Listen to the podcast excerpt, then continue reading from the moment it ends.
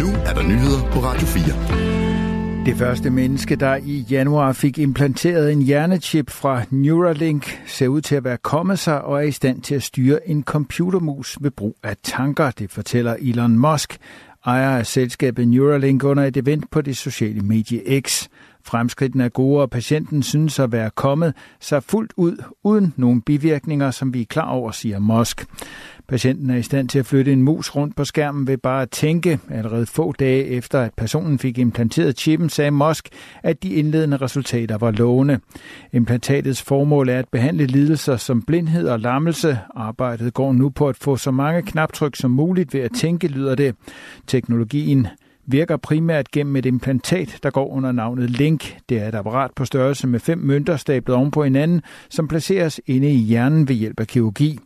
Ifølge Sky News har Musk, der også ejer X og elbilselskabet Tesla, fortalt, at hjernechippen på sigt kan hjælpe personer med handicap, som Stephen Hawking, med at kommunikere hurtigere end en auktionarius.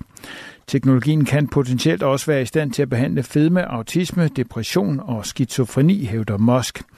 Neuralink fik sidste år i maj af USA's Fødevare- og Lægemiddelstyrelse FDA grønt lys til at lave de første kliniske forsøg på mennesker. En CO2-afgift på landbruget risikerer at sende arbejdspladser ud af landet, uden at det i sidste ende kommer klimaet til gode, det vurderer Jørgen E. Olesen, professor og institutleder ved Institut for Agroøkologi på Aarhus Universitet. Den største udfordring er, at landmænd i andre lande ikke er pålagt en afgift. Det betyder, at man skaber en skæv konkurrencesituation. Hvis produktionen flytter et andet sted hen, vil det stadig være samme udledning. Så har vi ødelagt arbejdspladser, liv på landet og noget af vores egen økonomi, uden at have fået noget ud af det. Flere medier har her til aften erfaret, at et ekspertudvalg vil anbefale en afgift på højst 750 kroner per udledt ton CO2 i landbruget. Ifølge Kristelig Dagblad har udvalget udformet tre modeller med tre forskellige satser. Den højeste sats er altså 750 kroner, mens de to andre satser bliver på henholdsvis 350 kroner og 150 kroner per udledt ton CO2.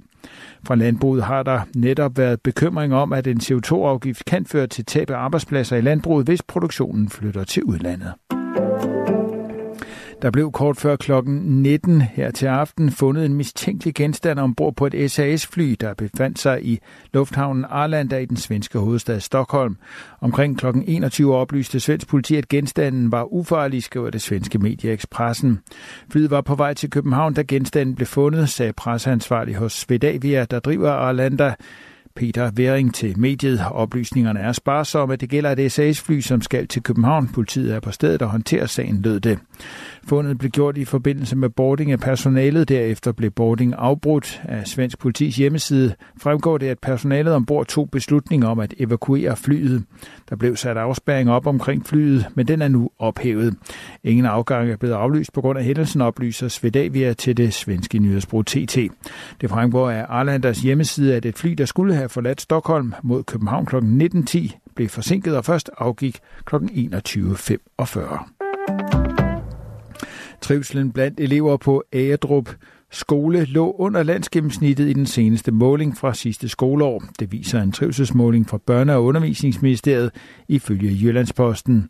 I målingen har 81, 84,1 procent af eleverne svaret, at de generelt trives på skolen. Landsgennemsnittet lå på 87,5 procent. For bare en håndfuld år siden svarede 92,5 procent af eleverne på Adrup skole, at de trives. Siden er den faldet år for år.